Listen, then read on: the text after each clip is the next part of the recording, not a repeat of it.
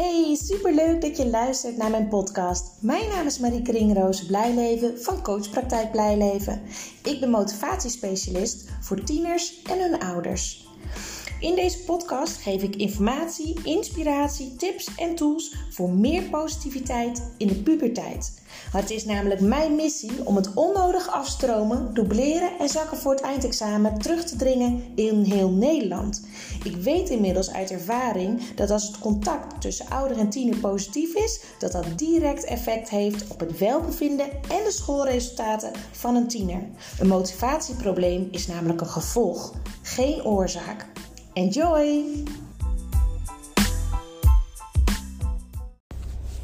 Hey, leuk dat je weer luistert naar een nieuwe podcast. Ik zit uiteraard weer in mijn auto. Op weg van mijn praktijk terug naar, uh, naar huis. Weer mooie gesprekken gehad vandaag. En het valt me op dat de laatste dagen, en eigenlijk vorige week ook al, dat er nu alweer tieners zijn die heel erg last hebben van de prestatiedruk. Dat ze het idee hebben dat ze het nooit goed genoeg doen. Dat ouders ook um, ja, er, er, er bovenop zitten. Omdat ze bang zijn dat het anders weer misgaat. Net als vorig jaar. Um, als, uh, vorig jaar met corona was het natuurlijk ook best wel lastig. En nu proberen ze er bovenop te zitten. En ervoor te zorgen dat, dat hun kind nu genoeg gaat doen. En uh, niet, ja, niet het risico lopen dat ze blijven zitten of, of uh, weer net aan overgaan. En met alle goede bedoelingen natuurlijk. Hè? Want ik heb absoluut geen oordeel over de ouders. Want ik herken mezelf er ook in. Je hebt het idee dat je tiener helemaal niks doet voor school. Um, ze zitten heel erg veel in hun kamer. Je hoopt maar dat ze huiswerk doen, maar ze weten niet. Ze zeggen continu ja, ik doe het wel. En ondertussen twijfel je eraan. Wij hebben nu thuis ook de afspraak gemaakt dat wij het loslaten en dat hij het mag uh, laten zien. Dat hij mag laten zien dat hij het zelf kan, want dat is namelijk wat hij heel graag wil. En het is natuurlijk nog heel vroeg in het jaar en hij heeft nog geen cijfer binnen. Hij heeft nu inmiddels een toets gehad. Nou ja, dat is afwachten welk cijfer daaruit voortkomt. En cijfers zijn natuurlijk een graadmeter voor hoe goed je iets beheerst. En het kan best zijn dat je tiener een onvoldoende haalt, omdat hij dacht dat hij het beheerste of dacht dat hij het goed had voorbereid. Maar nu uit het cijfer blijkt dat het toch een beetje tegenviel. En het heeft geen zin om dan boos te worden op je tiener dat ze een onvoldoende hebben gehaald of dat ze te weinig hebben gedaan of iets dergelijks. Want dat beseffen zij ook wel als ze een onvoldoende terug hebben. Geen tiener vindt het leuk om een onvoldoende terug te krijgen, namelijk. Maar wij hebben als ouders op een of andere manier heel vaak het gevoel dat we daar dan nog een keer overheen moeten. Um, terwijl de leerling voelt hem al. Echt waar. Ik heb nog nooit een tiener gehad die zei: Het boeit me totaal niet als ik een onvoldoende haal. Het moment dat ze dat wel zeggen, is er al zoveel aan vooraf gegaan dat het toch nooit goed genoeg is. Als ze bijvoorbeeld een 6 halen, dat ouders niet tevreden zijn. Als ze een 7 halen, dat het goed net genoeg is, maar dat het eigenlijk nog wel beter kan, kon. Dus het is waardevol om voor jezelf ook na te gaan: hoe ga ik om met de prestaties van mijn tiener? Wat voor feedback geef ik? Heb ik vertrouwen in mijn tiener of heb ik eigenlijk continu er geen vertrouwen in? probeer ik controle te hebben over mijn tiener en over het gedrag van mijn tiener en de werkhouding van mijn tiener? Of geef ik hem die zelf die verantwoordelijkheid? En dat is een uitdaging ook voor ons als ouders. Hè? Want het feit dat je controle wil houden over je tiener, dat zegt vooral iets over jezelf. En ik zal heel eerlijk tegen jullie zijn. Ik heb hier ontzettend mee geworsteld. En ik ben nu op een punt gekomen dat ik denk: jeetje, waar ben ik mee bezig geweest? Waarom moet mijn kind heel erg goed presteren? Ik heb het verhaal al eerder gedeeld. Toen mijn oudste zoon uh, net geboren was en uh, uh, met, met een jaar ongeveer kon lopen en dergelijke. Ik was continu bezig met als hij iets kon, dat hij weer het volgende moest kunnen of het volgende moest leren. Ik vond het heel belangrijk dat hij het heel goed deed op school. Dat hij heel veel vriendjes had. Dat hij zich perfect gedroeg. Uh, dat hij er perfect uitzag qua, qua kleding en qua kapsel en dat soort dingen. En mijn oudste zoon heeft mij als klein jongetje eigenlijk al geleerd dat dat gewoon niet mogelijk is. Dat je dat helemaal niet moet willen. Dat je kind daar helemaal niet beter van wordt. Het is iets van mij en niet iets van hem. En ik belast hem daar wel mee door dat allemaal van hem te eisen. Want dat is eigenlijk wat er dan gebeurt.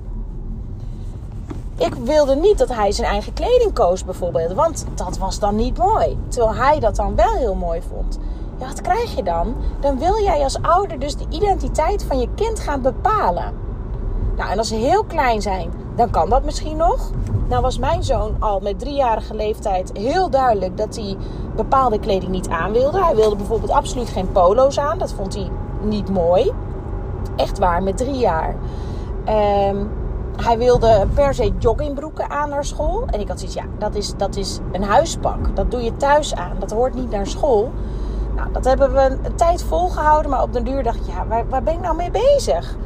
Wat, wat moet ik nou via mijn kind eigenlijk bewijzen aan de wereld? En mijn zoon heeft dus ook, volgens mij zat hij in groep 5, echt faalangst ontwikkeld door mij. Zo zie ik het ook echt. Omdat ik continu bezig was met dat hij nog beter moest kunnen. Toen ik bij daar, daarbij stil ging staan, besefte ik dat dat eigenlijk bij mij ook altijd is gebeurd vroeger. En als ik het toelaat, dat het nu nog steeds gebeurt. Met alle goede bedoelingen, hè? Maar dat er altijd meer kan. Heb je dit bereikt, dan kan je wel weer het volgende doen. Heb je voor 100 mensen gesproken, nou dan kan je nu wel op een groot congres gaan spreken. Het lijkt nooit genoeg te zijn. Altijd maar beter, meer, groter enzovoort. Waardoor je dus nooit tevreden bent en nooit je successen kan vieren eigenlijk. En ik heb dus zo'n wijze les, of eigenlijk heel veel lessen, maar ook dit is dus zo'n wijze les die ik van mijn oudste zoon heb mogen leren. Ik heb toen ook, toen ik er bewust van werd dat hij faalangstig was geworden, dat het echt bij mij lag, heb ik daar stappen in gezet. Ik ben alles rigoureus anders gaan doen. En er was echt werk aan de winkel bij mezelf. Want mijn zoon is een eigen individu. Het is een eigen individu. Het is geen verlengstuk van mij. Ik hoef niks te bewijzen via mijn kind aan de buitenwereld of aan mezelf. Mijn kind hoeft niks te bewijzen. Hij is al helemaal goed zoals hij is. En bij mijn tweede zoon is dat dus al veel beter gegaan. En die heeft echt een enorme groeimindset ontwikkeld. Die durft ook nieuwe dingen te proberen. En die, die, die is niet bang om fouten te maken. Die weet ook als hij iets fout doet, dat hij daarvan kan leren. En dat is wat je alle kinderen eigenlijk gunt. Alle mensen ook gunt. Ook alle ouders gunt. En mijn oudste, die heeft het heel erg moeten leren. Uh, doordat hij eerst gewoon een fixed mindset had ontwikkeld. Door de verwachtingen van mij onder andere. En tuurlijk heb ik het ook allemaal met de goede bedoelingen gedaan. Er zat niks verkeerds achter of kwaads achter. Maar ik vind het wel erg dat ik dat zo heb gedaan. En ik deel dit omdat ik zeker weet dat er heel veel ouders zich hierin zullen herkennen. En het misschien nog steeds doen. En ik vind het heel mooi om bewust te worden van het feit dat mijn oudste zoon zit nu in de tweede klas van de middelbare school. Wij laten het nu los. Alleen ik merk dat dat ook alweer een uitdaging is voor mij om het los te laten. En we bemoeien ons niet ermee. Tenminste, dat proberen we. Want we vragen echt wel af en toe: heb je nog huiswerk? Ik vind ook dat dat moet kunnen. Maar hij wijst mij er ook op. Ja, mam, het is allemaal heel leuk en aardig. Jij zegt steeds dat je het loslaat. Maar hoezo kijk je dan in Som Today? sommigen hebben Som Today, sommigen hebben Magister. Hoezo kijk je welk huiswerk ik heb? Hoezo kijk je wanneer ik toetsen heb? Ik zei, ik zei, je hebt helemaal gelijk, jongen. Maar ik merk aan mezelf dat ik het moeilijk vind om los te laten. Vorig jaar hebben we namelijk ook een periode losgelaten. Toen zei hij, dat hij steeds alles af had dat het goed is, was, dat het goed ging. En toen kwamen de cijfers allemaal in één keer achter elkaar binnen. En dat waren geen goede cijfers, kan ik je vertellen. Hij had gewoon helemaal niks gedaan. Dat heeft hij toen ook toegegeven, heeft hij toen ook verteld. En daardoor is mijn vertrouwen daarin beschadigd. Maar je kan het ook bekijken als: oké, hij heeft er toen van geleerd dat, dat die aanpak dus niet werkte. En dat hij dat nu dus anders moet gaan doen.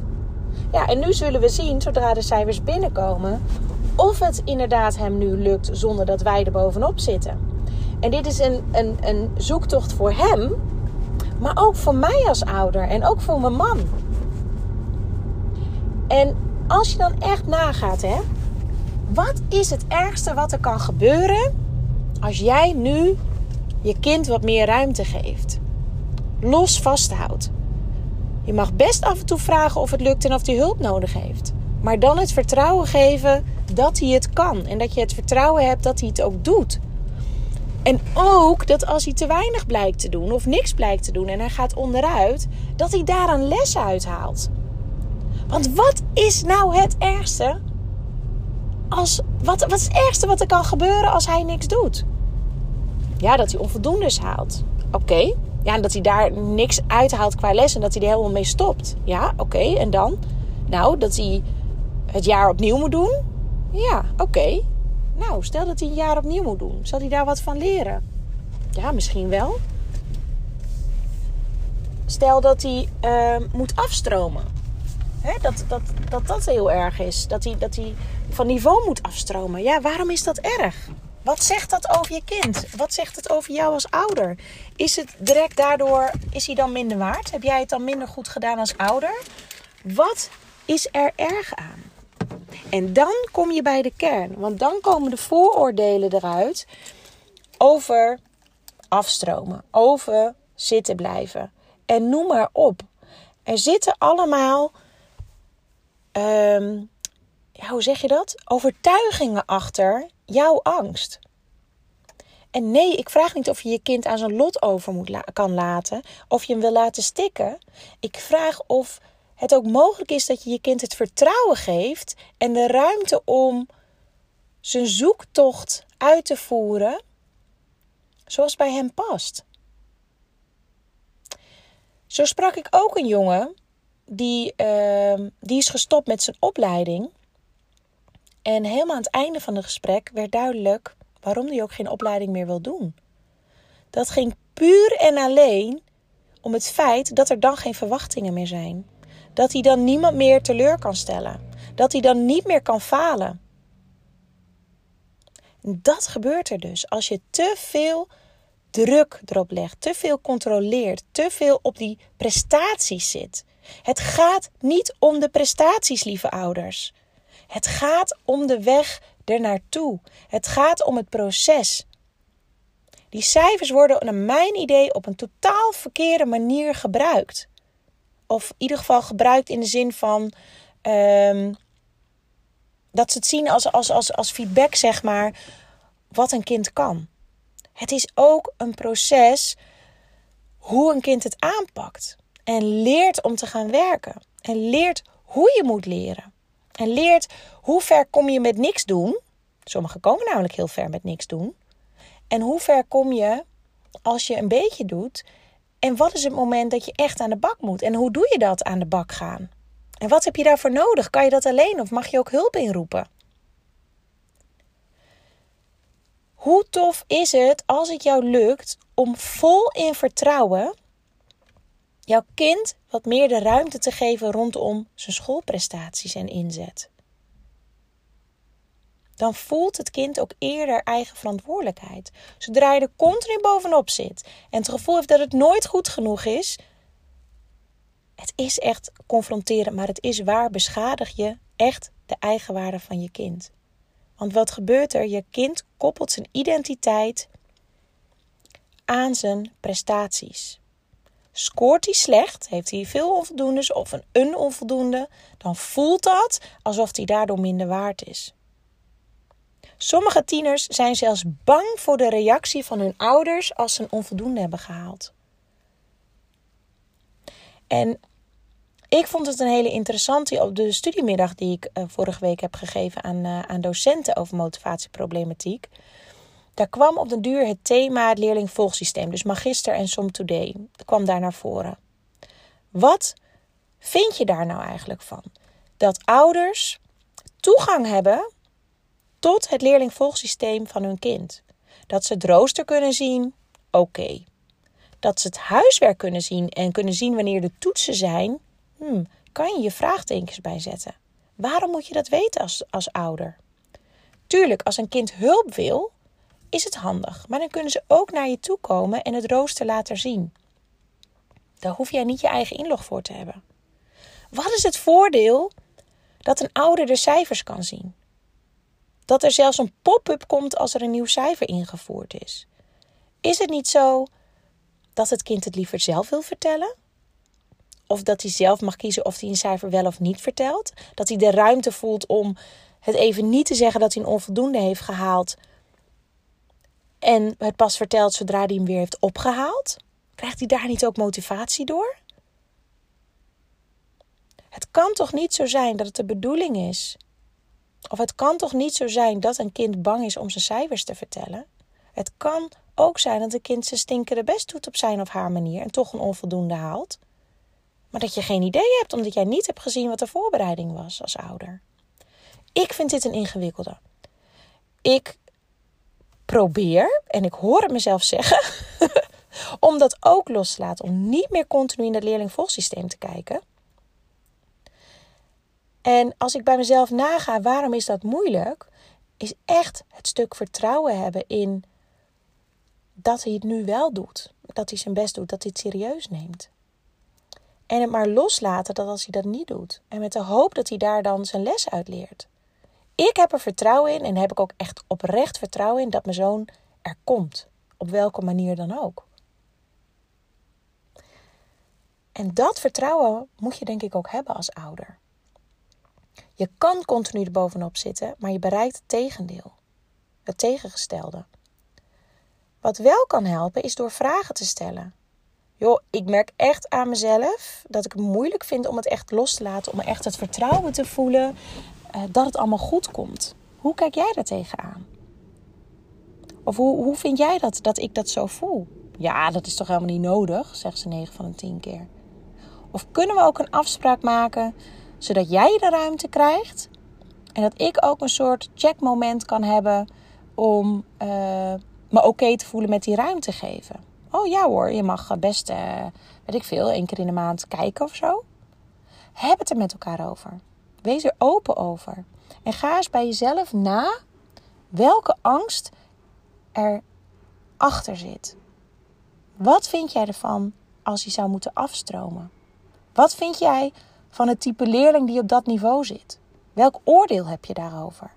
Welk oordeel heb je over kinderen die afstromen?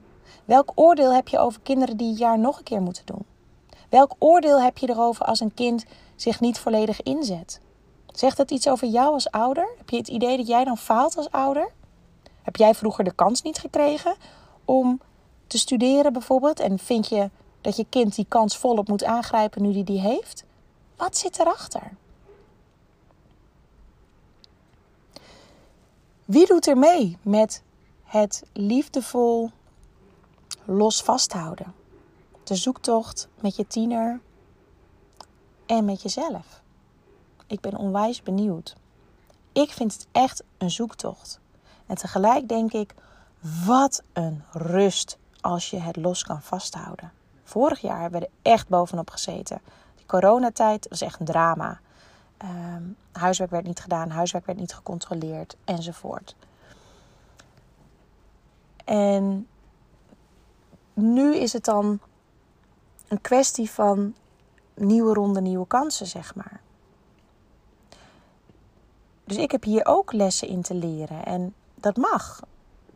En het loslaten van dat prestaties belangrijk zijn, geven zo'n rust. Geven zoveel meer gezelligheid in huis, zoveel meer contact. Ik ben heel benieuwd hoe jij hierover denkt. Want als je tiener niet zoveel doet, zit daar ook wat achter. En dat bleek deze week en vorige week in alle gesprekken weer die ik heb gehad met tieners. Allemaal voelen ze prestatiedruk. Vanuit zichzelf, vanuit ouders, vanuit de maatschappij. Hebben ze het gevoel dat ze niet kunnen bijbenen, dus alles maar loslaten. Het heeft altijd een reden. Oké. Lieve ouders, ik wens jullie onwijs veel succes. En twijfel je of je op de juiste manier met je tiener omgaat rondom prestaties? Het is de moeite waard om dit eens open te vragen aan je tiener. Joh, ik heb deze podcast geluisterd. Ik ben heel benieuwd. Hoe is het voor jou zoals wij ermee omgaan? Check het eens. Kunnen mooie gesprekken opleveren. Vraag eens hoe zou je het liever willen? En vertel ook je eigen zorgen en angsten. Dit helpt kinderen onwijs en uiteindelijk helpt het ook om meer motivatie te krijgen. Oké, lieve mensen, fijne week. Doei doei!